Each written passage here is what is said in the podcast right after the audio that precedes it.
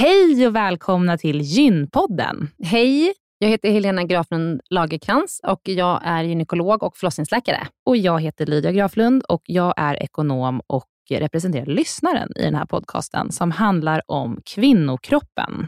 Det är vetenskaplig fakta om kvinnokroppen och det du hör i den här podden är det som man kan höra om man får träffa en läkare eller en barnmorska i ett eh, möte. Men ibland så bjuder vi in gäster som berättar om sina personliga erfarenheter och ibland är det också spekulation, men då är det verkligen tydligt att det är spekulation. Annars är grunden för den här podden vetenskaplig fakta om kvinnokroppen. Så är det. Hoppas att ni vill lyssna. Välkomna. Välkomna.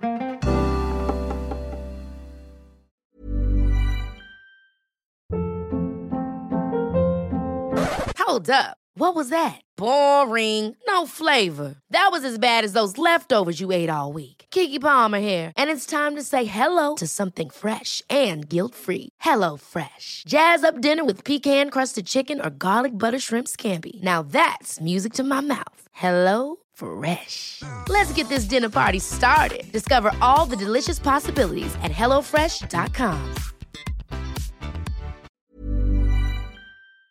Den här veckans avsnitt av Gynpodden är sponsrad av Ester Care. Och Helena, det är ju det bolaget, vårdbolaget, som du och jag har varit med och startat, där vi erbjuder digitala vårdmöten med specialister inom kvinnovård. Precis. Och vi vet att det är väldigt mycket vårdpersonal som lyssnar på Gynpodden, vilket vi är jätteglada för. Och vi behöver alltid fler gynekologer till SDKR. Så därför vill vi nu göra en shout-out till alla er som lyssnar ute som vill vara med och förändra svensk kvinnovård.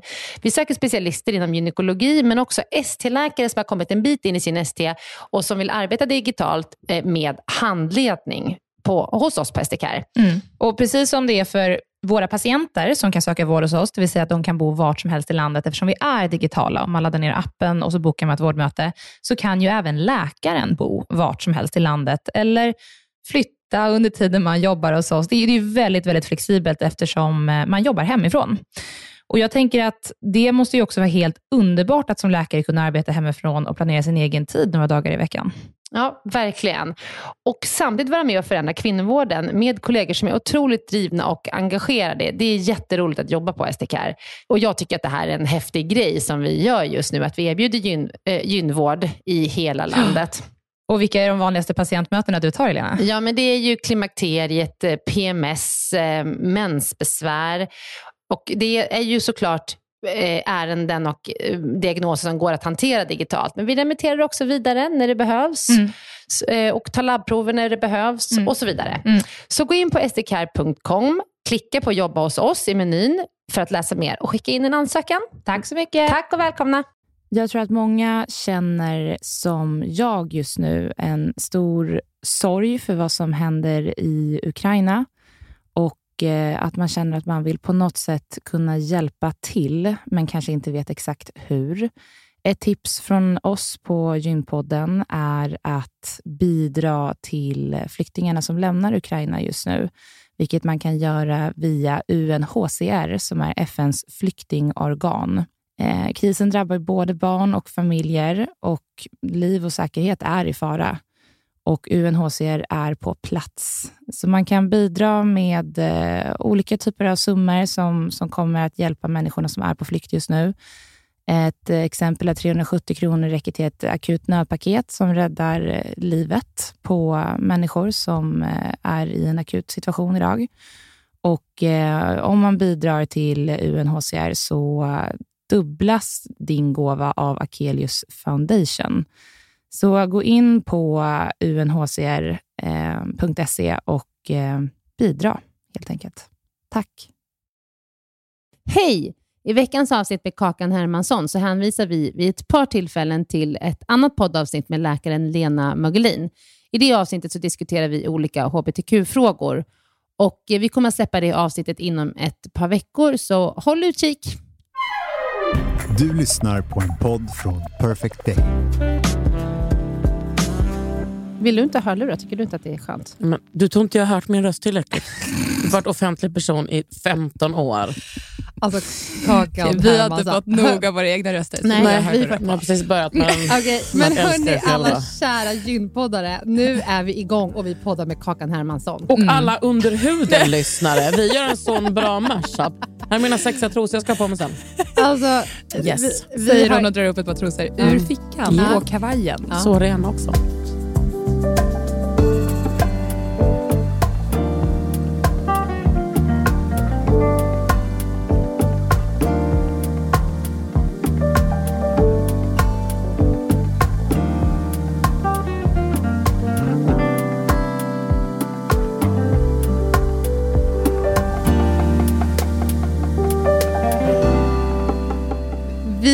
kliver rätt in i den här podden. Det är så kul. Det är, det är en ny setup för oss idag. mm. Kakan, du, säkert, du som är en liksom, eh, erfaren poddare, du har säkert gjort det förut. Men nu ska vi köra Gynpodden och Under huden-podden i ett avsnitt, Mm, eller man säger. Mm. Så att vi kommer få ställa frågor till dig och prata om eh, det vi vill prata om och du kommer ställa frågor till oss. Och Ja. Mm, så vi har två agendor idag.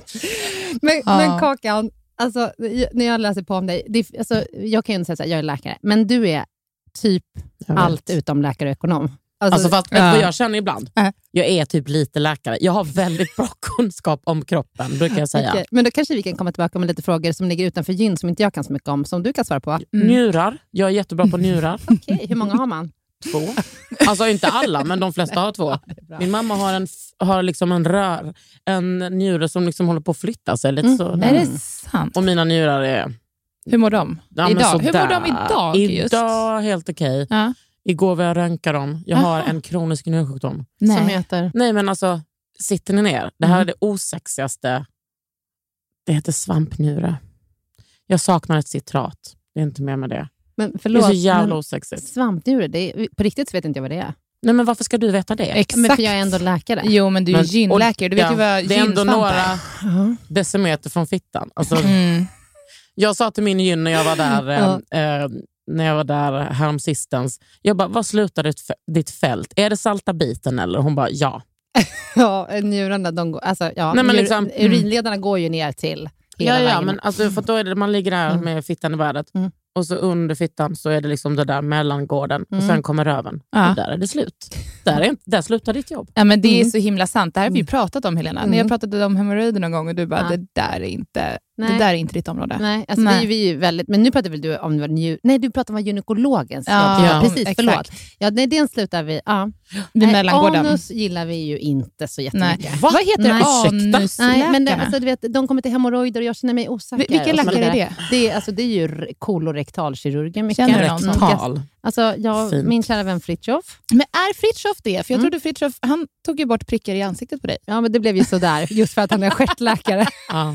Man ska, var, var person ska ha sin, sitt område. Ja. Hur som helst. Men okej, nu, okej, så du är keramiker. Och sen utöver det så är du, nu läser jag innantill här, gör det. feminist. Konstnär, programledare, DJ, skribent, författare, hudvårdsnörd, beautybloggare. Ehm, Kan vi gå tillbaka till ordet feminist? Ja, men är det inte alla är det? min nästa fråga. Alltså skojar du? Ja, men det är det.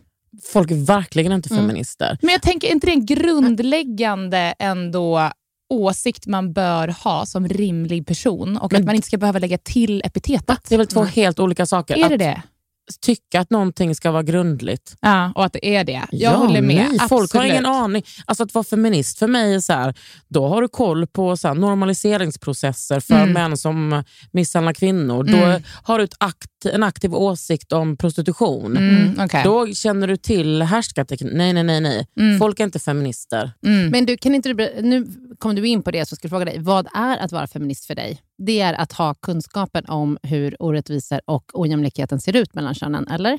Ja, men jag tänker att det är så himla mycket, ja, alltså dels eh, inte bara mellan kön utan också bara hur det är för kvinnor och mm, de andra som inte är kvinnor eller män. Mm. Eh, och också så, vad har man för samhällsanalys och också vad vill man göra åt det? Mm.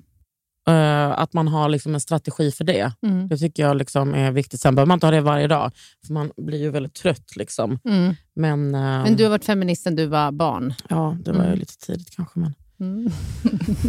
så är det. Ja, Mm. okej. Men jag tänkte så här. Vi har ju ganska nyligen poddat med Lena Mögelin, som är gynekolog och som nu jobbar på Mamma Mia, på mottagningen för sexuell hälsa, och innan har hon varit på hbtq-mottagningen på SÖS. Ja. Henne poddade vi om hur det är att vara hbtq-person i Sverige idag. Framsteg eh, som sker, men också alla eh, orättvisor och diskriminering som finns. Är hon hbtq själv? Ja. Mm. Men så intressant att få prata lite om de frågorna med dig. Ja. För att eh, är man eh, då eh, heterosexuell kvinna, då tänker man ju inte på det här särskilt mycket. Speciellt om man lever i en värld som alltså på kvinnokliniken. Jag tycker inte att det förekommer någon diskriminering. Jag tycker inte att det är något konstigt. Jag höjer inte på ögonbrynen om en kvinna kommer och säger att hon lever med en annan kvinna Nej. eller är trans eller vad det kan Mm. vara. Men eh, så är det inte att vara eh, hbtq i Sverige idag. Så enkelt är det inte. Nej. Nej. Och Det är också så intressant för att det är väldigt många som upprepar Mm. att hbtq-personer har det så bra i Sverige. Mm. Det är aldrig hbtq-personer själva som säger det. Mm. Kanske Mm. några väldigt rika så här, nyliberala bögar som har stora och dyra lägenheter. Mm. Som liksom ehm, ehm, är intresserade av surrogatmödraskap. Mm. Eh, det är de, men vi andra tycker inte det. Nej. Men och var, var tycker du den största diskrimineringen ligger? Var, var är det, till exempel då inom sjukvården så förekommer det ju diskriminering, eh, vilket leder till faktiskt försämrad hälsa.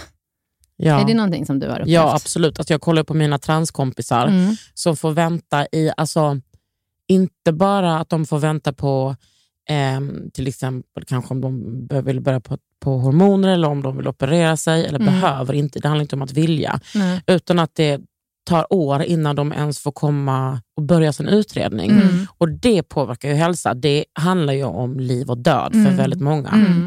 Mm. Och jag menar, eh, ur ett feministiskt perspektiv när det kommer till vården så handlar det ju också om ett klassperspektiv och ett eh, perspektiv med eh, människor som är utlandsfödda eller som rasifieras. Mm. Allt det måste man ju ta i beaktning. Mm. Jag tänker absolut att sjukvården är problematisk, men det är ju allt möjligt. Alltså, så länge kvinnor är rädda, Mm. så länge, alltså, patriarkatet är så smart, så vi vet ju inte varken in eller ut längre. Nej. Jag, menar, jag vet ingen tjej som inte haft ätstörningar. Nej. Jag vet knappt någon tjej som inte har varit med om ett sexuellt övergrepp, mer eller mindre. Mm. Mm. Eh, Eller som är rädd för att gå ut när det är mörkt. Ja, Det vet man ju precis. ingen. Mm. Det gör alla tjejer. Ja. Och eh, Problemet är väl eh, att män är så jävla dumma i huvudet. Så många är så dumma i huvudet och Mm. inte tar sitt ansvar. Mm. Och att det är vi kvinnor som sitter på våra kammare, sitter Mm. på våra möten Mm. och försöker lösa problemen som män Som skapar hela tiden. Ja, precis. Mm. Jag brukar inte vara så tvåkönssystem, för jag Nej. tror inte på det, men när man pratar om, eh, liksom, om den sortens eh, Om man förtryck. ska hårdra det. Mm. precis. Vi poddade ju med Amanda Oxell Mm. här för några veckor sedan och släppte det avsnittet. Jag vet inte om du följer Vem henne är det? på Instagram. Hon är journalist. Och- nej, hon är- PR, ehm, PR kommunikation håller hon på mycket med. Hon startade Annonsrådet för några år sedan. Och Ja. Hon hette Amanda Olenius tidigare, nu har hon bytt till Amanda Oxell.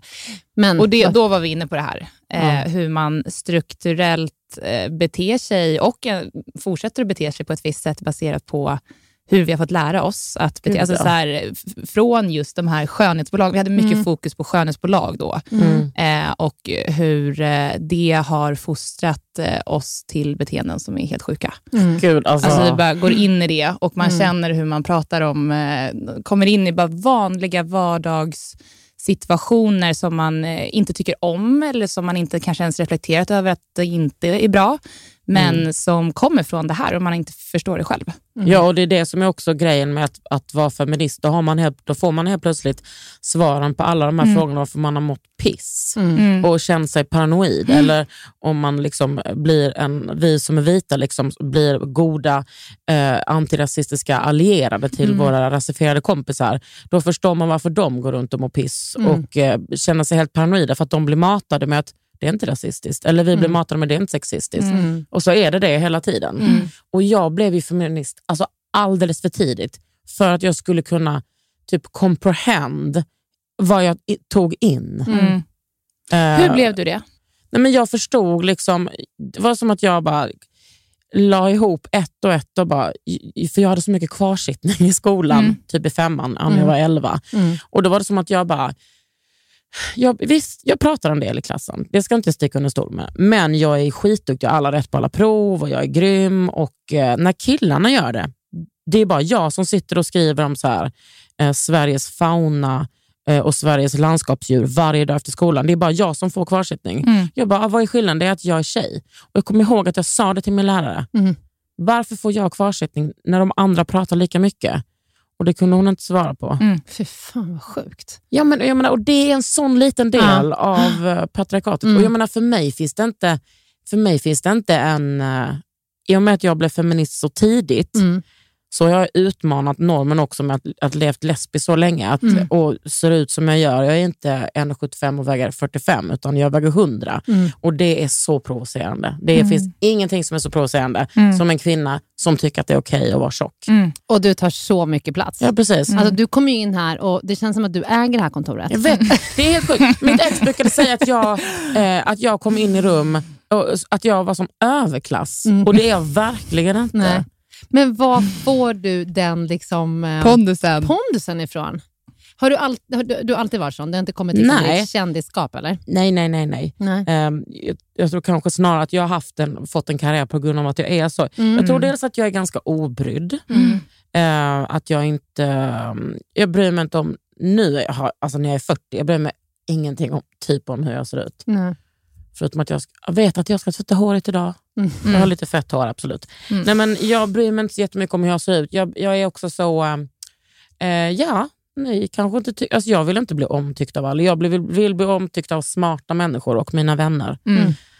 Och att jag har varit i så många konflikter eh, att... Eh, ja, Couldn't care less längre. Nej, fattar. Ja, men alltså det, är ju en, det är ju massa olika komponenter såklart. Mm. Från min barndom och framåt. Mm. Mm. Men eh, alltså, jag vet att jag är tråkig, men jag måste få gå tillbaka till, till vården. Alltså, Lydia säger alltid att jag går tillbaka till min vård. Jag men, älskar vårdaspekten. om din graviditet? Ja, men det, vi ska absolut prata om graviditet Ja. och bli mamma och ditten och datten, men eh, jag måste Har du gå barn? tillbaka.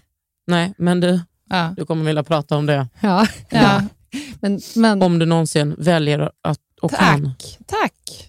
Om jag någonsin väljer, Mm. för i vår familj känns det som att det är en självklarhet att man ska ha barn. Nu ska jag sluta peka kniven på dig. Men vadå, alla kan ju inte pekar få på mig, barn men heller. nej, så- kan inte få men barn. alla kanske inte heller vill Nej. barn. Men det är ett annat poddavsnitt. absolut Mm. inte. Ja, Oh, då vet, det finns massa otroliga ni kan intervjua då. Mm. Ja, Mm, alltså gärna. frivillig, alltså frivillig barnlöshet, Mm. inte ofrivillig barnlöshet. Det skulle vara faktiskt Men måste man bli jättekul. kallad frivillig barnlös då? Kan man inte bara få vara människa? Men gud, vad ska vi... Ah, men nu ska, nu, ska men vi jag- podda ja. om att Mm. vara människa. Men kan jag bara få gå tillbaka då? Eh, för det jag skulle säga då, det är ju det här med då att eh, hbtq-personer känner sig diskriminerade i vården. Och Då var det några exempel som togs upp. Till exempel att man inte går på sina screeningkontroller för cellförändringar, vilket förebygger cancer. Och att man heller inte går på sina mammografier i lika stor utsträckning. Och, Va, eh, och varför tänker du att vi inte gör det? Ja, alltså för att man är rädd för att man ska få frågan om man är eh, om man lever med en man eller en kvinna. Det, alltså, det här var inte information fr- från Ja. Lena när Mm. vi poddade med henne Jag som läkare. man, man, inte Men- känner sig, eh, man känner sig inte respekterad och trygg. Alltså jag var ju på Mamma Mia Ja. en gång. Ja.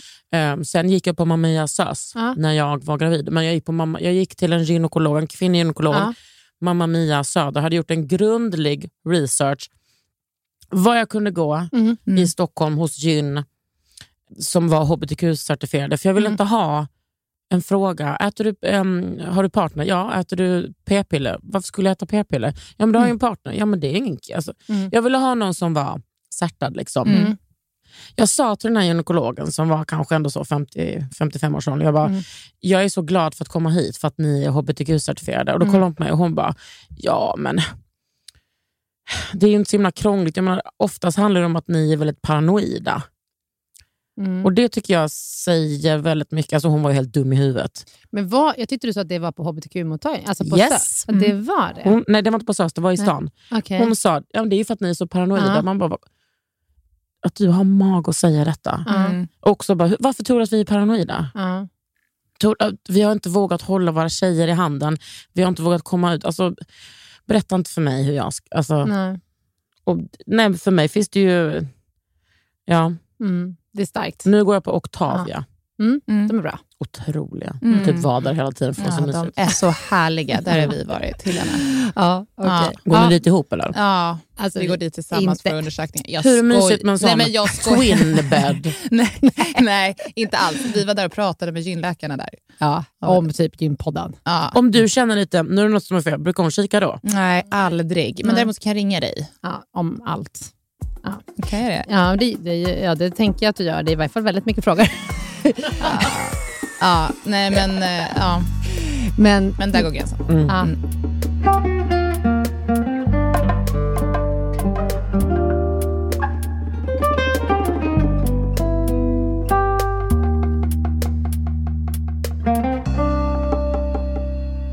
Kan inte vi prata om eh, när du kom ut? Nej. Inte? Och det, alla heteros är helt besatta av att prata om när man kom ut. Men det är ju för att det är så intressant. Varför det? För att förstå, kanske för, inte för sig själv, för nu är jag 30 och jag tänker att man borde ha märkt om man skulle vara homosexuell. Sen tar du en ecstasy och då står du där med tungan i halsen Men på det någon. är vad vill jag höra? Berätta nu. Nej, men jag, kom, jag tycker jag kommer ut hela tiden. Ja. Jag, jag har kommit ut eh, för mig själv, jag har kommit ut för mina föräldrar. Första personen jag kom ut för var min syster. Hon bara, jaha. Alltså brydde sig ingen. Nej. Jag är uppvuxen med en, mina föräldrars bästa kompis är bög. Alltså, han är vår gudfar. Jag är uppvuxen med att det var... Våra föräldrar sa om ni är homosexuella eller bi så säg det till oss. Det är ingen grej. Är inte det fantastiskt? Jo, och jag, Jo. jag tycker mer och mer att jag ser föräldrar i min ålder och, och generationen äldre kanske som säger så till sina barn. Mm. Är du kär i tjej eller kille? Att det liksom blir... Mm. Så pratar jag med dina barn. Mm. Det är jättebra. Mm. Det ska man göra. Mm. Precis. Nej, men jag har kommit ut om och om, och om igen. Mm. Och- och speciellt när jag var gravid. Mm. Alltså jag var så arg under hela min graviditet. Människor som jag var liksom bekant, ja, ändå kompisar med frågade vem är pappan? Och Mm. jag sa, du vet väl om att jag och, och då Mm. liksom den andra mamman, Mm. det är vi som ska ha barn. Varför skulle vi ha en pappa? Mm. Jag orkar inte ens vara trevlig. Mm. Nej. Nej, men jag menar, jag bara, men, du måste förstå att det heter donator. Alltså jag var Mm. så arg Mm. för att folk är så jävla dumma i huvudet. Mm. Att man inte Men- kan tänka till. Men å andra sidan så är det ju inte helt ovanligt att ett till exempel då lesbiskt par Ja. skaffar barn med ett bögpar. Nej, men Ja. eh, det var inte det de trodde. Nej, Mm. okej. De, de menade, vem kommer sperman ifrån?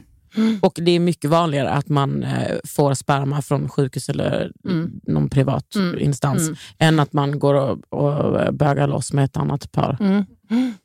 Men eh, jag läste ett, ett citat från dig eh, som, du hade, som på tal om det här som vi pratar om precis Mm. just nu. Mm. Då, då sa du så här, Gud, du ser, jag har gjort lite research. Bra Ja. gumman! Mm. Eh, då, då sa du så här, eh, hbtq-personer lever liksom inte som straighta personer, även om ni vill tro det. Vi lever med mer psykisk ohälsa, självmord är mer frekvent. Vi kommer ut varje, varje, varje dag och varje gång vi kommer ut håller de flesta av oss andan Mm. för att avgöra responsen. Är detta okej? Är jag liksom accepterad? Mm. Himla ledsen när jag läser det. Gud, så jag fick gåshud. Vi har bara så starkt citat. Ja, men så Ja. starkt citat. Men jag märker det för att jag eh, dejtar faktiskt en kille nu. Mm. Och då, jag märker att jag är helt... Jag kommer ihåg att jag, jag träffade en kille för typ tio år sedan när jag Mm. var ja, ute och reste. Mm. Var tionde år har jag såna straighta nedslag. Nej, men då... ehm, eh, Går, du, går du alltid tillbaka sen? Du tänker det? na, Nu vet vi alltså, inte. Nu tror, jag, nu tror jag att jag är faktiskt lite fast. Är Mm. det sant? Det är ju Väldigt förtjust. Mm. Ja. Ja, Härligt. Ja. ja, det är Mm. så härligt. Mm. Ehm, Men ty, är ditt liv lättare då nu när du lever med en man? Behöver inte du komma ut jag varje lever dag? liksom eller? inte med honom. Nähä. Utan eh, alltså han gör sin grej, jag gör min grej. Mm. Mm. Men ja, okej. Jag vet Så, inte. nej, nej, inte alltså jag måste ju komma ut igen. Jag kommer ju ut och säga att jag dejtar en kille. Det jag Ja. tycker, ja. Ja. Men jag, jag orkar liksom inte vara så... Att det, jag tycker liksom inte att det är en grej. Nej. Men folk sätter ju liksom, Lablar.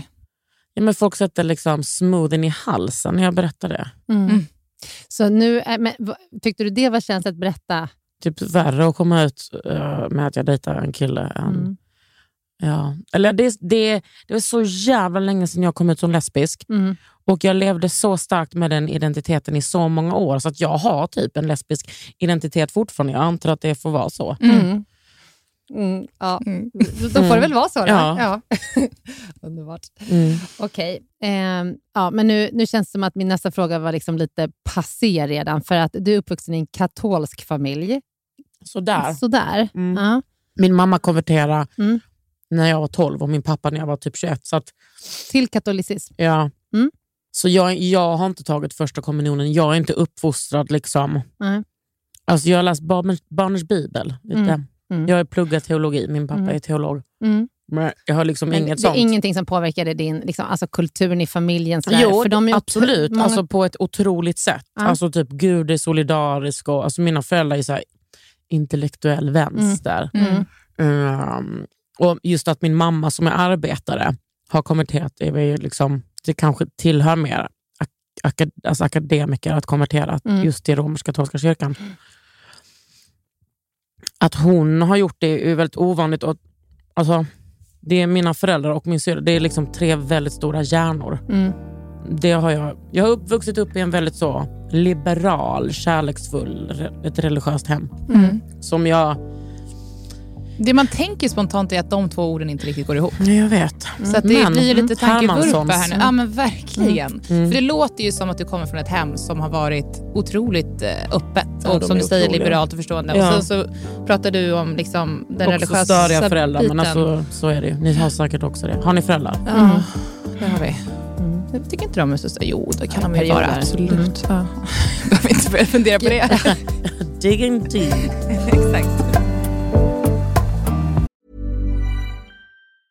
If you thought the only way to get a more defined jawline with natural looking results was through surgery, think again. Juvederm Volux XC is a non surgical injectable gel filler that improves moderate to severe loss of jawline definition and can help you achieve natural looking results with little downtime. Even better, this improved definition lasts up to one year with optimal treatment. No maintenance required. Improve jawline definition for a smooth, sculpted look with Juvederm Volux XC. For important safety information and to find a licensed specialist, visit juvederm.com. That's J U V E D E R M.com. Not for people with severe allergic reactions, allergies to lidocaine, or the proteins used in Juvederm. Common side effects include injection site redness, swelling, pain, tenderness, firmness, lumps, bumps, bruising, discoloration, or itching. There's a risk of unintentional injection into a blood vessel, which can cause vision abnormalities, blindness, stroke, temporary scabs, or scarring. Talk to a licensed specialist to find out if it's right for you.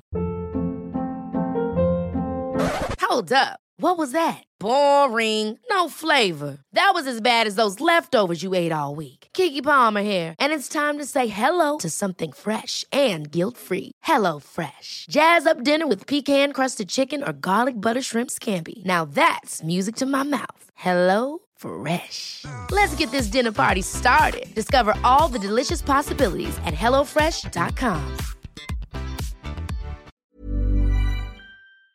Veckans avsnitt av Gynpodden är sponsrat av mittpreventivmedel.se som är en informationssida från Bayer. Mm.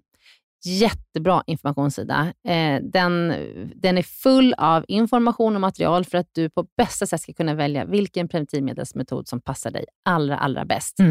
Och Det vi tänkte prata om idag det är att det finns något som heter samtalsguide Mm.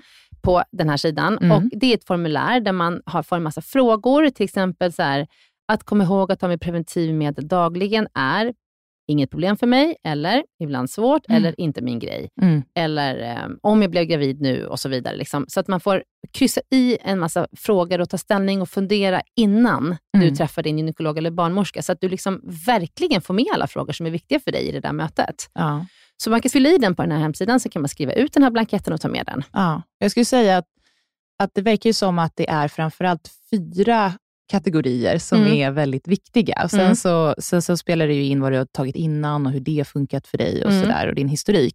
Men det verkar ju som att det handlar mycket om hur liksom ordningsam man är, eller hur strukturerad man är, att kunna ta någonting dagligen. Mm. Eh, hur viktigt det är att man inte blir gravid. Mm. Eh, användning av hormonella preventivmedel eh, och om man vill påverka sin menstruation på något sätt. Mm. Så det verkar som att det är de fyra kategorierna som man, man bör fundera på innan Mm. man väljer ett preventivmedel. Man får bra guidning i hur man ska svara på de här, eh, med olika kategorier och olika svar.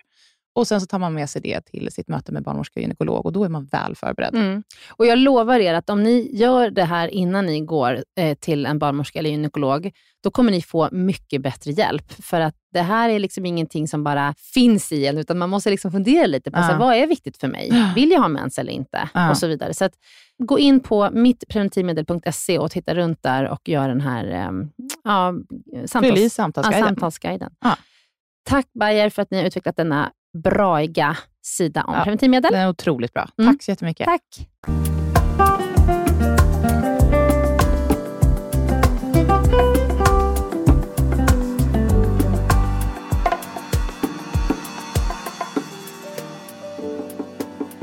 Näst på min lilla lista. Det här är så spännande. Jag intervjuar ju folk varje vecka. Ja. Och jag, menar, jag har ändå gjort intervjuer ofta i 15 år, men det är spännande fortfarande. Mm. Man Men, bara, men det, det, du? tänker på att jag komma. har gyn-glasögonen på mig alltid, Ja. i, de, i, speciellt i den här podden. då. Jag Men- med. Ja. Jag skojar. Av bara andra anledningar. Eh, du är ju mamma. Ja. Mm. Och du har en, ett barn som Mm. är fyra, fem år. Mm. Och då, eh, på den tiden när ni skaffade barn, Mm. så levde du i en samkönad relation. Ja, precis. Hur bestämmer man vem som ska skaffa barn? Det- Eller förlåt, vem som ska bära barnet menar jag. Jag, eh, Mm. jag tror att det är helt olika från par Mm. till par. Mm. Men eh, vi bestämde det för att eh, den andra mamman är äldre. Så Mm. testade vi på henne först och sen gick det inte och då tog vi mig. Mm. Okej, så det var inte något så här, mm, liksom, det var inget, inget svårt beslut för er, utan det Nej. gick liksom, nej. Okej, och eh, blev du gravid efter insemination, IVF. IVF? Och eh, Ja, hur, vad kul. mm, var den det? Var det jobbigt? Har du legat dig till barn? Ursäkta? Har du legat dig till Ja. dina barn? Ja. Mm. Nej, men IVF, Jättenöjd. eh, Ja. IVF är typ eh, som... eh, Alltså, Alltså, jag, har- vet ju hur IVF går till också. Ja, nej, Mm. men jag har riktigt, jag har riktigt fittig PMS, alltså. Mm. den jobbiga varianten. Mm. Det är typ som den gånger hundra. Mm. Ja. Alltså, Alltså, det var- själva äggplocket tänker du då? Nej, men själva gå på spruta och nässpray. Ja. Mm. Mm. okej. Men Mm. jag var ju också så jävla peppad. Mm. Så att Hur många jag, IVF-försök gjorde ni? nej, men jag gjorde bara ett. Mm. Gött. Det är väldigt typiskt min son. Att, att det ska gå på första försöket? Ja, alltså 100% hans stil. Mm. Ja. Lite min också. Men hur tyckte du att graviditeten var då? Eh, jag älskade det, förutom att jag var väldigt orolig för att få missfall. Alltid gick och kollade Mm. i trosan, alltså i tio månader eller vad Mm. man är Mm. gravid. Eh, Men jag tyckte att det var så coolt. Det var så Mm. min grej. Jag var Mm. en konung på att vara gravid. Jag var otrolig på att föda barn. Ja. Alltså jag är så chockad av mig själv. Men berätta mer om det. Det vill jag höra mer om. Nej, men, och, jag menar, Hur blir man otrolig på att föda barn? okej, n- det här är min analys. Ja, ja. Och sen får gyn-glasögonen säga vad du Sitt. tror. Kakan gick in på förlossningen och ägde förlossningen. Nej, absolut inte. Förlöste sig själv. Nej, det skulle jag verkligen Nej. vilja ta göra. Ja, kan Nej, jag tror att jag... Alltså jag hade typ inte lyssnat på förlossningspodden. Alltså Vattnet går. Jag hade inte lyssnat på någonting sånt. Helt oförberedd alltså? Nej, jag hade Eller? gått före utan rädsla Mhm. med en otrolig person som heter Malin som Mm. kom hem till oss och som gjorde den. Och hon var så här, ni två kommer ha så jävla kul på förlossningen. Mm. Jag bara, all right. Men du vet, för när man aldrig har fött barn, man fattar ju inte ett skit. Man bara, vadå latent Mm. fas? Vadå åtta centimeter? Vadå, vad fan är det som är öppet? Man fattar ju inte Mm. vad det där är. Mm. Ehm, nej men jag, tror, jag är ingen duktig flicka. Jag har inga kontrollbehov. Min, det här kommer jag säkert få skit för. Många, det här är min liksom, ana, mediananalys Mm. från alla kvinnor jag har hört berätta om, om, sin, uh, gravidit, om sin förlossning. Folk med, eller kvinnor som har, nej fan jag kommer få så jävla mycket skit av detta. Jag tror att det är lättare att inte ha kontrollbehov när man ska föda barn. Mm. Och om man har kontrollbehov, det fattar jag för att det är skitjobbigt att vara kvinna. Mm. Eh, eller eh, trans också som vissa är som föder barn. Nej, men jag menar bara att det är, var jättebra för mig att inte ha kontrollbehov. Mm. För att, att gå in där och tro att man ska kunna kontrollera. Mm. Och Jag var också så, blir det snitt så blir det snitt. Mm. Eh, ja, jag vill ha all, all smärtstillande förutom sterila. Kvaddlar. Nej, alltså ta bort det. Ja, gud vad jag kan tänka mig det, för det verkar hemskt. Mm. Mm. Nej, men det, det är också, alltså, ah, om män Men det- skulle vara gravida, ingen skulle någonsin ha kommit på något sånt sjukt. Nej, men en del tycker faktiskt att det funkar bra. Ja, Ja, men, men be dem har- ringa mig. En och en halv person. Hörrni, om det är någon som tycker att Sila Kvadlar är bra, ring Kakan. Mm. Men jag måste bara säga att jag eh, tyckte ju att jag hade bra koll eh, under förlossningarna. Mm. Jag är, liksom är ju inom skrået, så att säga. Mm. Hade noll koll. Alltså när de kom in, för vi, min, jag födde mitt tredje barn. Självklart har du tre barn. Hon var fyra. Mm. Hon var fyra Hur barn. gammal är du? Mm. Eh, Född 1980? Hon är 42. Nej, jag är faktiskt 41. Och ingen av dem är tvillingar. Nej. Nej. Men jag, Vad har gör en, jag har en tvillingsyster. Vad gör din man? Eh, han är ekonom. Mm. Ja, det är inte underklassen. Jo, det är det i och för sig. Som har fyra barn. Men fyra barn, det är helt sjukt. Ja, men vet du hur det är? Eh, Nu, nu var jag mitt i min förlossning här som jag skulle berätta. Men, men jag ska säga en annan sak. Ja. Jag tror att det är så här. Dels kommer vi från en stor familj. Ja. Alltså vi har ju, vi har ju Vi fem, fem biologiska systrar och en syster som har vuxit upp med oss. Vi är Mm. sex systrar som har vuxit upp tillsammans. Alltså min vision var hela tiden, jag vill bara ha det här stora bordet där alla sitter runt och man ses och, man, och det är liv och rörelse. Så här. Fan vad härligt. När, vi var, när jag hade två barn, då kände jag så här, ja, men det, alltså det är mysigt. Ni är helt okej. Ja, men ni är, liksom, Men ni är inte två, enough. men ni är bara två. Mm. Så fick jag min trea och då så kände jag, okej, men nu börjar jag ha min lilla klan här. Eh, Men det liksom gick ändå liksom ett helt ett litet, litet sug i så här, oh, skulle så gärna vilja ha en till. Men jag förstår, du vet, som en ödmjuk, det kanske inte går, jag är 38 då, 39, så här, det kanske inte går att få fler barn. Jag är ödmjuk och jag kommer inte sörja det såklart. Men när jag fick min fyra så kände jag mig bara så jäkla nöjd. Alltså Det är här, också en grej med, ja, faktiskt, om man får säga med Mm. straighta, att ni är Mm. besatta av att skaffa många barn. Ja, det kanske är det. Fast nej, Men, för det är hallå? väl många som inte har det. Jag har Det- det noll barn är- och är ja. ändå noll besatt med att skaffa många barn. Men du Nej, är men det- bara nej. 30. Ja, men vet du vad, det bara. här har att göra Gud, med barnmorskor och bara. förlossningsläkare och gynekologer. För grejen är så att går du med den där lilla, lilla naggande känslan och sen ser du barn som föds till höger och vänster hela tiden och du Ja. går upp på BB Mm. och liksom man bara åh, alltså, vet, det suger i hela Mm. kroppen. Nu, när jag inte har den där känslan, nu kan jag gå på BB och säga, åh gud, här vill jag aldrig ligga igen. Nej. Alltså, det är så Mm. konstigt. För jag älskar bebisar och Mm. barn, men jag är så nöjd med ett. Och Det Mm. vet inte jag om det är för att jag, det tog så lång tid, det tog fyra Mm. och ett halvt år från Mm. att vi ringde till, alltså till SÖS till att han kom. Mm. Eh, eller om det bara är... Alltså jag kan bli så provocerad av människors... ehm, ehm, att man, folk tycker att det här med att skaffa barn är en mänsklig rättighet. Mm. Alltså om man kollar på så här Men surrogatmödraskap tycker du, ja, det stöttar du inte alls. Jag tänker ändå... Nej, och gud, det är ju verkligen en klassfråga. Mm. Mm.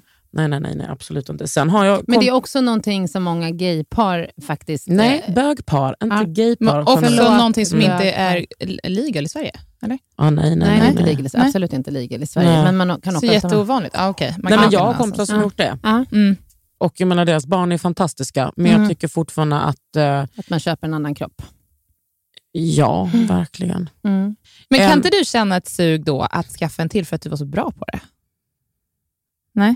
Det finns ingen så här att jag Men nu vill ska du få höra någonting som du kommer tycka, bara, men gud vad dystopiskt. Men jag tycker att jag, att jag har satt ett barn till den här världen, Ja. tycker jag är helt sinnessjukt.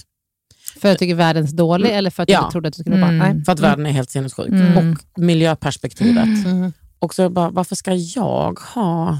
Jag som liksom kan välja. Ja, nu kunde jag ju faktiskt välja att skaffa barn. Nej, men jag tycker att det är helt... Nej, jag kan inte... Så hur känner du kring de som skaffar fyra barn? Nej, men jag, alltså jag fattar om Alltså om du skulle se mina barn, de är så söta. ja, jag, jag förstår det med tanke på hur du ser ut. Ja. Nej, men jag fatt, jag, jag, klart att jag fattar att man ska få fyra barn. Ja. Men vet du vad, jag ska säga en sak, att det där är ju någonting som, som man tänker, jag har tänkt jättemycket på det. Eh, att eh, ska man skaffa fyra barn när världen ser ut som den gör? Mm. Men så landade jag i, för mig är det så viktigt. Ja, Jag gör hellre avkall på andra saker. Jag Ja. slutar resa till exempel. ja, precis. Jag menar, och det är ju så här, jag tycker att det, Det är för att du har fyra barn och du får inte med dig dem på en Orkar resa. Det där är alltså, grejen- skitsnack. Det faktiskt, jag bara orkar inte ut och åka. Nej, jag fattar så då det. jag slutat resa. Ja, men okej, men jag sparar med koldioxid i varje fall. Det är Ah, ja. jättebra. Mm. Ja, Nej, det men jag tänker att eh, det är så himla känsligt att prata om sånt. Mm. Det är känsligt att prata om det här med, ehm, med surrogatmödraskap. Mm. Eh, för att eh, när de där barnen finns, Mm. då blir liksom diskussionen landar i, då är det som att det är barnen som blir diskussionen och det är det inte. Nej. Jag vill prata om kvinnorna. Ja. Och nu när liksom kriget, eh, alltså Rysslands krig mot Ukraina, då är det som åh, de här stackars föräldrarna som inte får hem sina barn. Man bara, är det fokus på västerländska rika människor som ska köpa ukrainska kvinnors kroppar. Ja. För liksom, Men vem har fokus på det? Har ni läst det någonstans? Ja, eller? jag har läst hur mycket som okej. helst. Ja, Det det, finns är ju helt otroligt. Ja. Mm. Och det är ju, och de här barnen ligger... Nej, fy fan. Men människor är ju liksom... Vårt kapitalistiska samhälle tillåter ju folk att vara egocentriska Mm. såklart och kunna liksom konsumera Mm. Både det ena och det andra. Mm. Nej, men jag ska också säga en anledning till varför jag, alltså jag födde barn när jag var 36 Mm.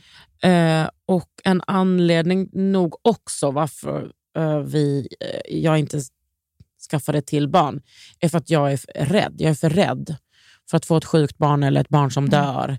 Jag har haft några omkring mig som har förlorat sina barn väldigt sent. Alltså i graviditeten. Ja, Mm. och det är ju liksom så djupa sår och det har drabbat mig väldigt mycket. Mm. Och eh, Jag tror att det finns kvinnor som aldrig tänkt tanken på att få ett missfall eller att det ska hända dem. Tror du det? Ja, verkligen. Mm. Och så, för mig är det så nära. Mm. Och det, jag menar, du har ju det... Alltså, jag var jätterädd under mina Ja. graviditeter. Ja, men du är ju också i egentligen. Mm. skråt. Mm. Ja, precis. Jag har ju sett ett och annat. Eh, och vet eh, hur... Det var faktiskt, alltså, det var faktiskt någon, en kompis med mig som var så här, ja gud jag ska på så här, rutinultraljudet. Jag bara, oh, lycka Ja. till. Hon bara, va? Jag ska Ja. bara kolla liksom, om det är en pojke eller flicka. Jag bara, no, no, no, no, no. Du ska kolla på så Mm. mycket saker. Men jag tänker så här, är det inte också en försvarsmekanism att inte gå runt och tänka på allting som kan bli fel hela tiden? Men jag bara tänker, alltså, människor, vissa människor har aldrig upplevt någonting i sitt liv. Nej. Ingen förlust. Eller, jag tror, det- har varit så nära in på mig det här med barn som dör i vecka 40. Mm. ja, gud, Vecka hemskt. 33, jag har gått på begravningar med såna små systrar. Alltså det är så, och jag, or, jag orkar liksom inte det. Och Nu har jag ett barn och det är liksom Sveriges mest bortskämda barn. Fattar. Ja. Han går runt där, han är så gullig. Så. Ja, så gulligt. Ja.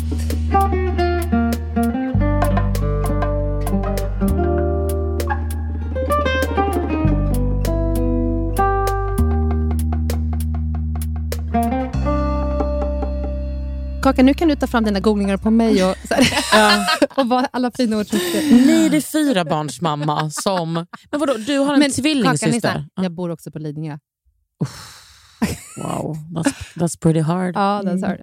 Jag har en tvillingsyster. Som är, vi, vi är identiska, så hon är min enäggstvilling. Och jobbar- din storasyster Lydia också. Jag får inte glömma att det också är din syster. Alltså, oftast är det ganska mycket fokus på Helenas familj och sen kommer Helena på att vi är samma familj. Ja. ja. Nej, men vänta lite. Men Men du det- frågade om inte jag hade en tvillingsyster. Men är inte det, alltså, tänk min lilla syster. Alltså Mm. jag, för fan stackars henne. Ja, tack. Men alltså, känner du att du har bra gynekologisk koll? Alltså, jag har ju gjort min ST genom podden här nu, senaste 22 avsnitten som vi har släppt. Ja. Så jag kan ändå svara på några områden som är mina. Låt dig svara och sen kan jag fylla i om det behövs. Okej. Det är, jag älskar, alltså jag har ju kanske 99,9% eh, tjejföljare, tror jag. Mm. Sen är det någon, också några gulliga killar. Mm. Jag tror de är gulliga i alla fall. Mm. Mm. All right, Okej. ladies. Mhm. Jag har ju så många eh, kvinnliga följare. Mm.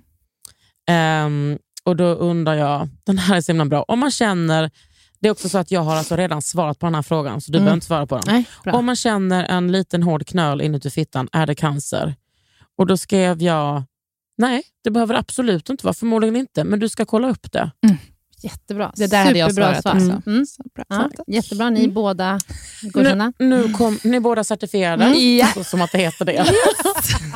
Vi går härifrån Genos. med ett litet examensbevis. Precis. Mm. Jag vill veta allt om varför PMS blir värre vid 40. What the fuck? Mm. Den här kan du ta Helena. Ja. Alltså, d- Hur är din PMS? Eh, obefintlig. Vad jag vet. Men jag Alltså, har... men, Om man är, det vet man. Ja, Mm. men då är den obefintlig. Ah. Men, Men- men, men- men, men jag vet inte om det är hjälpt av... Jag har ju Mirena spiral, så jag har ju inte Jag med. mens Mm. typ aldrig haft någonsin, så jag vet inte ens om min kropp funkar men som den du ska. har ägglossning. Ja, but don't know about Alltså, it. när du har ägglossning, blir du kåt och så då? Alltså, jag, vet, jag har ingen koll på när den är och jag märker nog inte någonting. Hur så kan antagligen du har jag ha en syster som är gynekolog och du har en typ en... Nej, det Nej, men du jag har inte haft Men du har inga hormonella liksom. problem Nej. och därför så har man ingen koll. Jag har Mirena. Mm. Ja. Hon är en riktig liten fitta mot mig. Hon? Nej, men alltså, jag blödde typ så Sjukt snäll mot mig. 25 dagar första månaden. ja, men Ja. sen då? Nej, nej, jag, nu blödde jag kanske sex. Haft den sen i eh, september. Men blöder du varje och se, månad? Du kommer bli typ... Nej, jag kommer inte ta ut den. Nej, Men du, alltså, blöder du du varje månad? typ. Jajebus. Ah, okay. Jag blev i och för sig det direkt. Men kan jag få säga en sak om Ja, Mirenaspiralen? okej, då? ja. Det är så här, har man en liten blödning normalt, om man är helt fri från hormoner, alltså om Mm. man har en liten blödning, då kan man bli helt blödningsfri Ja, och det var mitt livsmål. Mm. Mm. Har man en riklig blödning, Det har jag. Mm, då blir man inte blödningsfri, Nej. tyvärr. Men man, kan få, man får en otroligt reducerad mängd. Mm. Så att om alla fl- jo, vänta, på sikt, du har inte haft den så länge. September, oktober, november, december. Alltså, du får vänta lite till. Ehm, Räkna fingrarna igen. nej, men alltså du, Matte B. du kommer... Nej, men alltså, jag, jag har tålamod satt den på för att jag menar, den ska ingenstans. Nej. Jag satte i den för att jag inte ville ha mens. Mm. Men, Mm. men du får nog ha lite Finns det något Alltså, annat men- man annars ska byta till som också Nej. tar bort mensen? Nej, Nej det är det. Lika bra. Och Mm. jag är också 40 plus, Mm. så Mm. då har man inte koppar. Nej, och då kommer Äh, du bli... Hallå det- gynekolog? Nej, men, eh, ja, nu såg ju inte ni att jag tog som en låtsastelefon mot örat. Men jag skulle säga att min förra mens, om ni alla som lyssnar på de här poddarna vill veta det, så hade jag mycket mindre. Men jag har också fått, jag äter sån uh, tran. Cyklokapron, Precis. från Examsida. Men eh, du kommer, det, det kommer, den kommer fortsätta jobba till din fördel. Ja, Och det du- hoppas jag verkligen. Ja, så att eh, ha kvar med den här spiralen. Eh, jag förstår att du inte kommer ta ut den, men alltså, ha tillförsikt att det är... Du kanske inte blir helt blödningsfri, men det kommer bli definitivt mycket bättre än vad det är utan. Mm. Lite bättre med PMSen också. Men Mm. varför blir det värre? Jo, så här.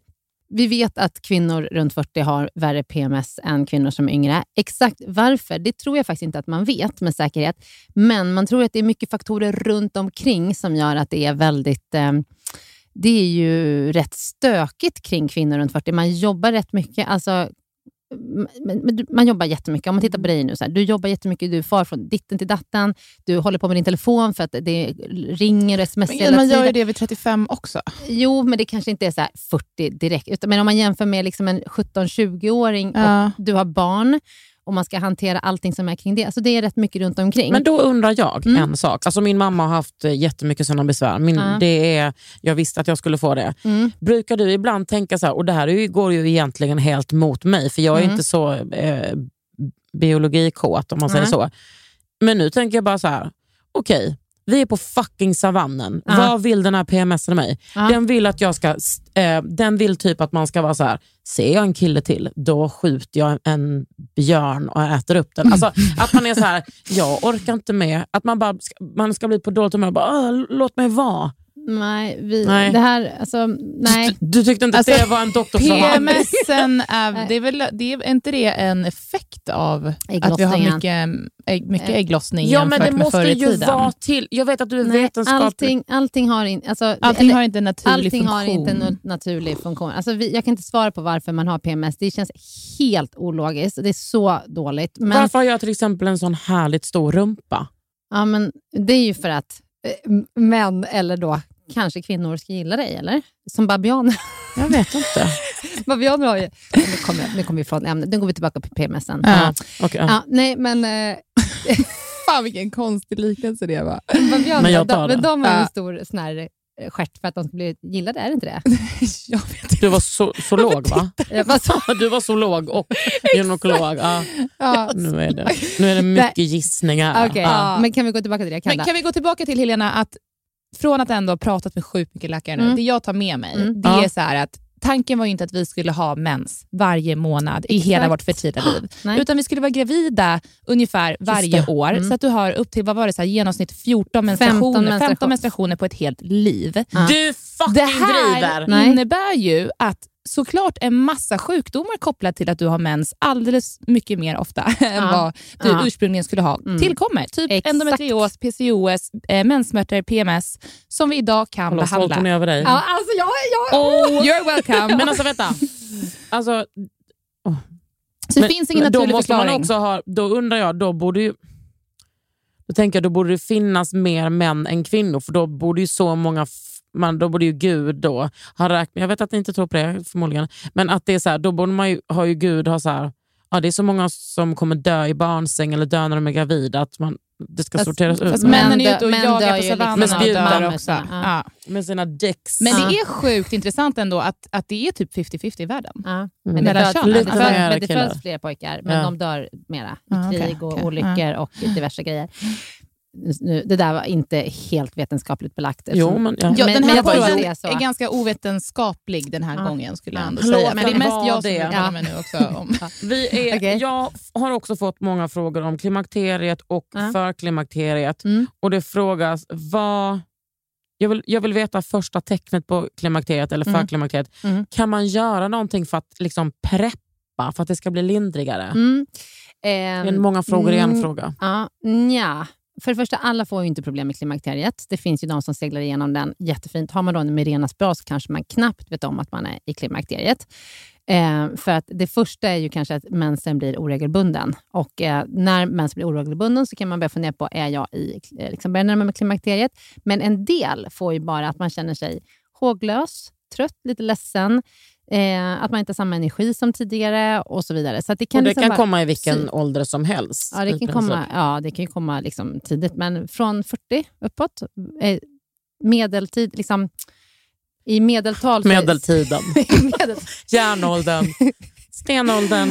eh, 52 års ålder är liksom, om man säger så här, Ah. det, som, det är den vad säger man, medeltiden för när kvinnor hamnar... Alltså det heter har, absolut inte medeltiden. Snittet. snittet, tack. För när kvinnor har sin senaste, Ja, sista klart, mens. snittet betyder någonting annat för dig som gynekolog. Nej, men medeltiden är också Ja. någonting annat. Det är Ja. en tidsålder. Det är inte Ja. det jag menar. 52 års ålder. Vet Helena. Djura. 52, Ja, wow. Alltså Då har känner, man sin sista Fan. mens, men klimakteriet är liksom tiden runt det. Men liksom, om man tänker jag är här, man, inte sugen på klimakteriet. är du inte? Hur gammal är du Kakan? 40? Ja. It's coming for you. Ja. Mhm. Men alltså, det, det, mm, ja. Nej, men jag har, Man får alltså, också mina hormoner är lite så grann, fucking jobbiga redan. ja. Men det- Men du får fråga en sak då. då har du, nu har vi pratat om att du har PMS. Har, Mhm. vad har du för behandling för PMS då? Du har ju noll behandling. Jag har Mirena. Ja, Jag har dubblat min dos antidepp okej, sorry. som jag glömt ta Mm. två dagar i rad. Ja. Ja, men då har du ju lite behandling, ja. Mm. Mm. okej. Och så hjälper Men det ju dubbel- jättemycket att träna och Ja. liksom Mm. leva Träna bra. och undvika alkohol, som du säger. Yes. Leva bra, äta Mm. bra, allt det där. Sova åtta timmar per natt. Men Det är jag. Det är klimakteriet exakt samma sak under klimakteriet. Alltså att försöka leva så hälsosamt som och möjligt. sätta henne på en hormonbehandling, eller? Absolut. Mm. Om man inte får tillräcklig effekt av att liksom leva bra, då är hormonell behandling Men alltså, är inte det också lite godtyckligt? Leva bra? Vilken Nej. kvinna kan leva bra? Jo, men alltså så här. Om man mår så dåligt av sina klimakteriebesvär, Ja. att man inte kan sova, man, kan inte, alltså man känner sig inte som att man har Mm. bra livskvalitet, då är hormonell behandling superbra och effektivt. Och vad är hormonell behandling? Hormon Alltså östrogen och gulkroppshormon. Mm. För det som är jobbigt under klimakteriet det är att hormonerna hoppar upp och ner. För äggstockarna håller på att lägga av, men de liksom producerar fortfarande lite oregelbundet med östrogen. Ja. Och Om man då lägger, in en, lägger till en hormonbehandling som man har liksom en jämn dos, så kan de lägga ner lite alltså utan att det hoppar så mycket. Kan, sen så kan man trappa ur den där östrogenbehandlingen på sikt och då är det på en stabil låg nivå och då har man inte de här klimakteriebesvären. Som man har, utan det är just perioden när det hoppar upp och ner, upp och ner som det är så himla jobbigt. Svettningar, vallningar, man sover dåligt och allt det där. Mm. Ja, fast det, alltså det är säkert jobbigt. Jag har ju inte- såklart inte gått igenom det, men det är också... Alltså, 30% märker ingenting och, och ungefär 30% har Men jätte- gissa om Mm. jag kommer tillhöra Jo, de men det 30 kommer du procenten. kanske Alltså, nisch. behöver inte spekulera. Men, Kak, Nej, alltså- men du kan få komma till mig och jag lovar att jag inte ska diskriminera på något, med Tack. några frågor, diskriminerande frågor. Och jag Nej, lovar. det tror jag inte heller. Nej. Men jag menar eh, att jag menar, det är så här, de allra flesta Mm. eh, eh, får inga blödningar av Mirena. Mm. Här kommer Nej, jag. Ja, mm. Liksom, Don't go chasing waterfalls. Nej. Please stick to the flood of the blood between your legs. En känd rb låt Ja. Mm. okej. Då undrar, eh, det här är, jag har många kompisar med endo, Mm. endometrios, Mm. eller som folk i branschen säger endo. Mm. Varför eh, rekommenderar alla gynekologer spiral och p-piller som enda hjälp mot endo? Varför de aldrig gör det? Alltid. Eh, för att det är det som vi vet är mest effektivt. Och då Endometrios är ju när man blöder och blodet pressas bakåt genom ägglenorna ut i buken. Den här blodet och den här slemhinnan då, som är endometriet, alltså det är insidan på slemhinnan, det är den man blöder ut när man har mens. Mm. Den pressas då ut i buken och det blir som Varför det? klister i buken. Ja, det gör den. Det gör den säkert hos alla kvinnor mer eller mindre, men de som har endometrios får en väldigt inflammation av den här slemhinnan, endometriet, i bäckenet. Varje månad? Mm. Mm. Och Då gäller det att ta bort mensen. Och Det gör man med hormonella preventivmedel, alltså, eller hormonella behandlingar. Det kan vara då Man kan inte gå in och operera ut grejer då? Alltså operera bort livmodern då? Jo, kan man göra. Men det är ju en Man otroligt gör inte det, stor, va? Nej, men det är så, så stor eh, omständlig operation för någonting som kanske kan bli perfekt bra med p-piller eller en spiral. Men vad tänker man annars att det ska finnas för behandlingar? ja, men, eh, alltså det, det är ju det. För jag tänker att du, då menar man så här, ja, men typ kost och... Nej, jag eh, tänker bara att eh, det är kvinnor som eh, är missnöjda med att det inte finns mer forskning. Att det är så här, Ja. jaha, nej, men det här är en kvinnosjukdom och eh, vi ska nöja oss med det här. Jag vill Mm. inte ha hormoner. Nej. Nej, men det Men kan vi det- vara väl överens om, att Ja. det behöver forskas mer på kvinnosjukdomar absolut. överhuvudtaget. Hur, eh, Men som det ser ut nu, så, det man måste göra är att man måste ta bort mensen. mm. Och det på mest effektiva sätt som passar dig, det är det man ska välja. Sen finns det liksom olika grejer man kan göra och det finns olika, men allting har ändå med hormonerna att göra. Mm. Och sen såklart antiinflammatoriska läkemedel mot smärtan och för att minska och dämpa den här inflammationen i buken. Men vad är det som växer där inne? Eh, I, I livmodern. Ja. Det är alltså eh, livmoderslemhinnan.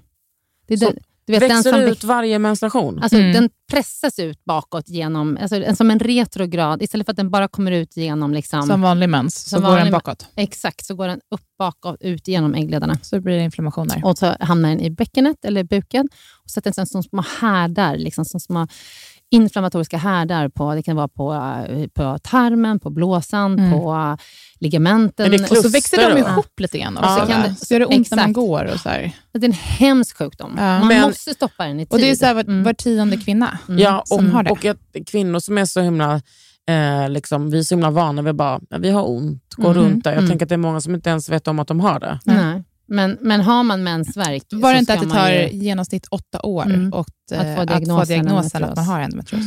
Mm. Mm. Så Inte att, okej. Men har man mensvärk så tycker jag att alltså, om man inte har någon sjukdom som gör att man inte kan stå på preventivmedel så är det så också kombinerade p-piller, alltså p-piller som innehåller gulkroppshormon och östrogen, alltså vanliga p-piller. Mm. Det finns så otroligt mycket bra hälsofördelar med dem. Om man käkar p-piller mer än 10 år från ung ålder, alltså från alltså 20 eller Mm. där, då minskar man risken när man blir äldre att få äggstockscancer, livmodercancer, tjocktarmscancer Wow!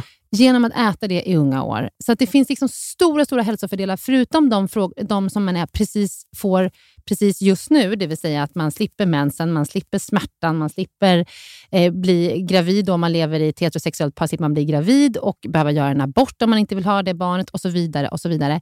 Så förutom alla fördelar som man har just nu, så Mm. har man ju också fördelar då på sikt. Mm. Och Det pratas alldeles för lite om de hälsofördelarna man har av att käka kombinerade p-piller. Ja, Jag tänkte faktiskt på det när du sa att du hade fått frågan Mm. om du hade ätit p-piller när du går till gynekologen Ja. eller till Mm. barnmorskan Mm. och att du blir förbannad över det. Att, så här, Mm. att man antar att du lever med en man då, Mm. eller någon av ett motsatt kön. Mm. Men jag tänkte direkt att det är Mm. också för att det finns Eh, alltså, nu var det inte så i det här fallet, Nej. då, obviously. Nej. men att det finns så mycket hälsofördelar med Ja. att äta det. Att även om man inte lever i en relation med en man eller, eller motsatt kön, så, så kan man Men äta jag det tycker ändå att det är med rimligt att, att, att fråga en, en tjej som lever med en annan tjej, så här, har du hormonella ja. pre, Ja. liksom preventivmedel? Mm. För att det är Men bra hon för visste inte att jag levde med en tjej.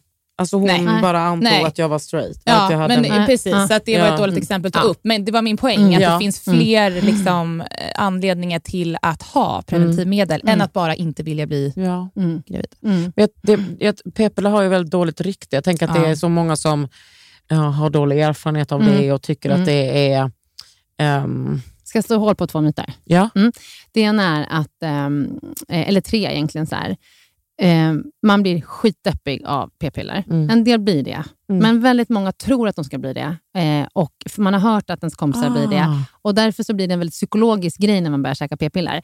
Då gjorde man en studie förut på Karolinska där man eh, lät tjejer äta p-piller och, så, och den andra gruppen, man lottade. Liksom. Mm. Så den här grupp, grupp A fick äta p-piller och grupp B fick äta sockerpiller. Och så blev man tvungen att skydda sig mot graviditet om man levde i en eh, heterosexuell relation. Och, och, eh, och de Tjejerna visste ju inte Mm. vad de käkade och eh, de blev typ lika deppiga. Mm. Det var lite högre deppighet i p-pillergruppen än i sockerpillergruppen. Mm.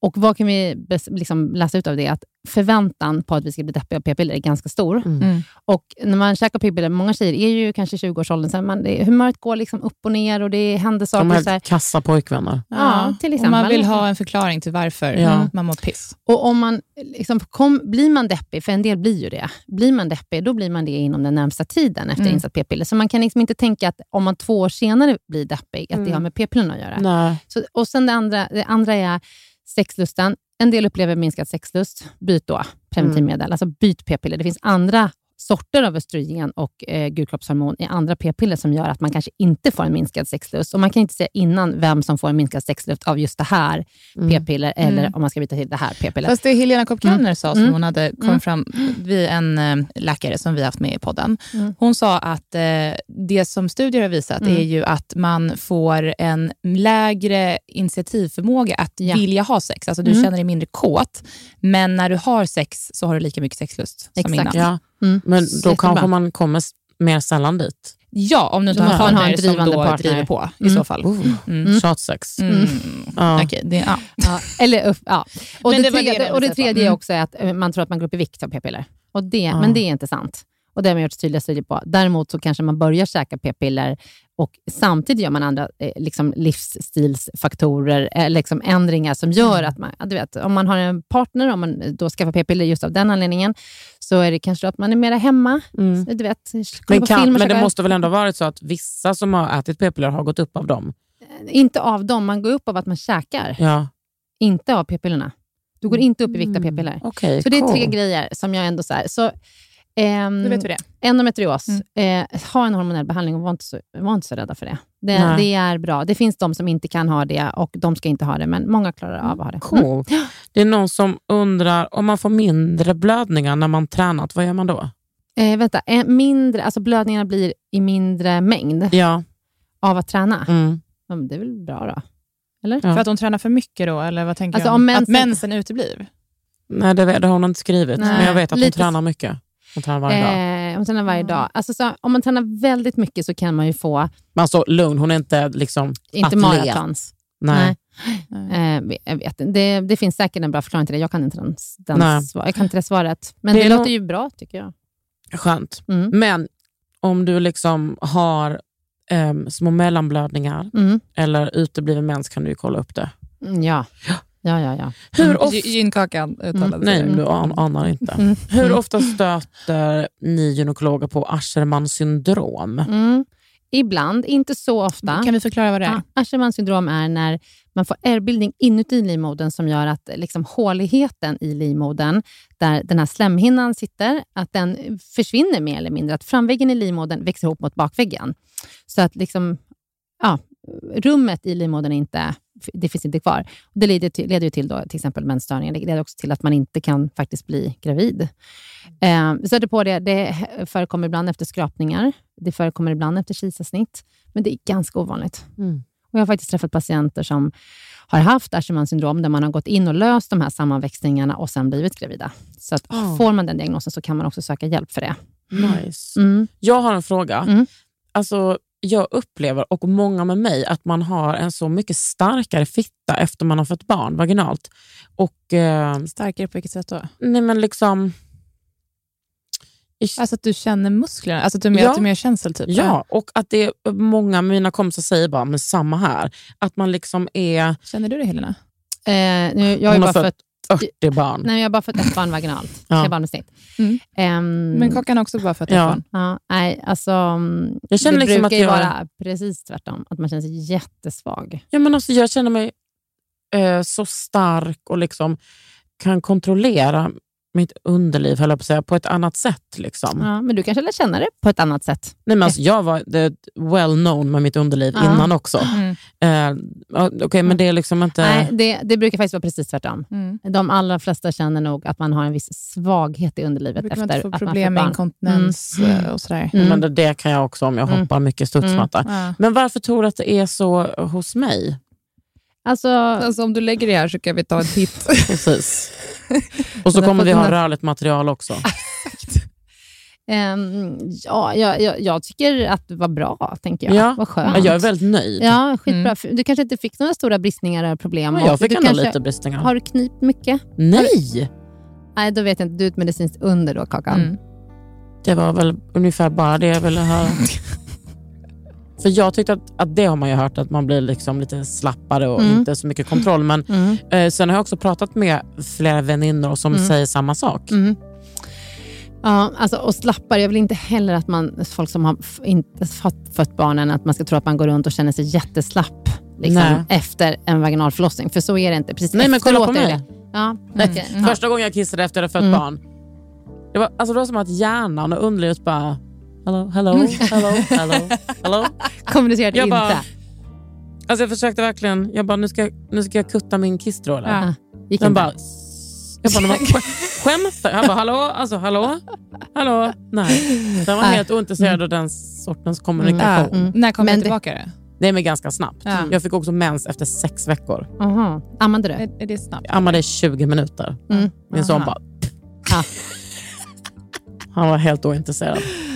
Eh, ja, men en del gör ju precis tvärt. Alltså då, då, precis att du bara kissar, kissar, kissar. En del kan ju inte kissa alls efter förlossningen. Så det kan vara lite Mm. bara delarna Vad faktiskt. gör de då? Ja, men då får man ha kateter i några dagar ibland. Som jag Eh, löser själv? ja, men och det brukar liksom återhämta sig. Ah, okay. Den där akuta fasen Mm. brukar återhämta sig. Sen kan det vara en del som får kissbesvär efter förlossningen, men då får man uttala sig, det får, man kan inte uttala sig på BB om det liksom efter sex timmar Nej. eller efter en dag. Men utan- jag tycker generellt att det vi hör mycket Mm. Mm. är att åh, man spricker så jävla mycket. Allt är piss och skit Mm. efter förlossningen. Bara, vet vad? För många så blir det lite bristningar och det går bra. Mm. Man får Jag inte tycker det är glömma härligt det. att du säger det, för Mm. det, vi gynekologer vi håller på att tjata om det precis hela tiden.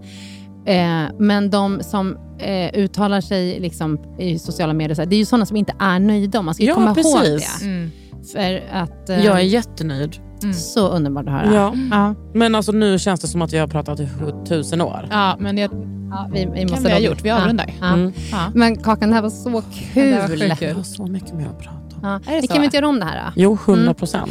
Eh, med- Så härligt. Också Ja. så imponerad av dig. Ekonom slash gyn. Mm. Och gyn som kan mycket. Mm. Mm. Kakan, tusen Ja, tack för att vi fick snacka med dig. Nej, men tack för att Ja. jag fick komma till Ja. er och Ja. min podd. Jag Ja. heter Kakan Hermansson. Jag heter Helena Lagerkrans, Graflund Lagerkrans faktiskt. jag heter Lydia Graflund. Ja, men ni har lyssnat på Under huden och Och Ja. gympodden. oh my Ja. god, vilken fusion. Ja, Tack. fusion. Fin fusion. Ja. Mm. Okej, Hej. tack. Vi Hej. ses. Tja.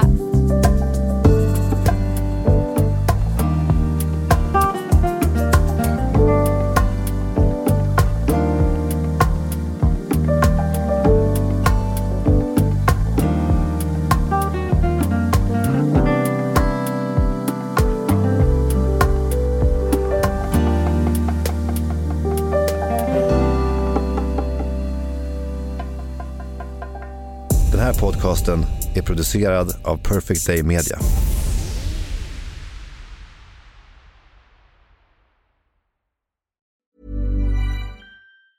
Ever catch yourself eating the same flavorless dinner three days in a row? Dreaming of something better? Well, Hello Fresh is your guilt-free dream come true, baby. It's me, Gigi Palmer. Let's wake up those taste buds with hot, juicy pecan-crusted chicken or garlic butter shrimp scampi. Mm. Hello Fresh.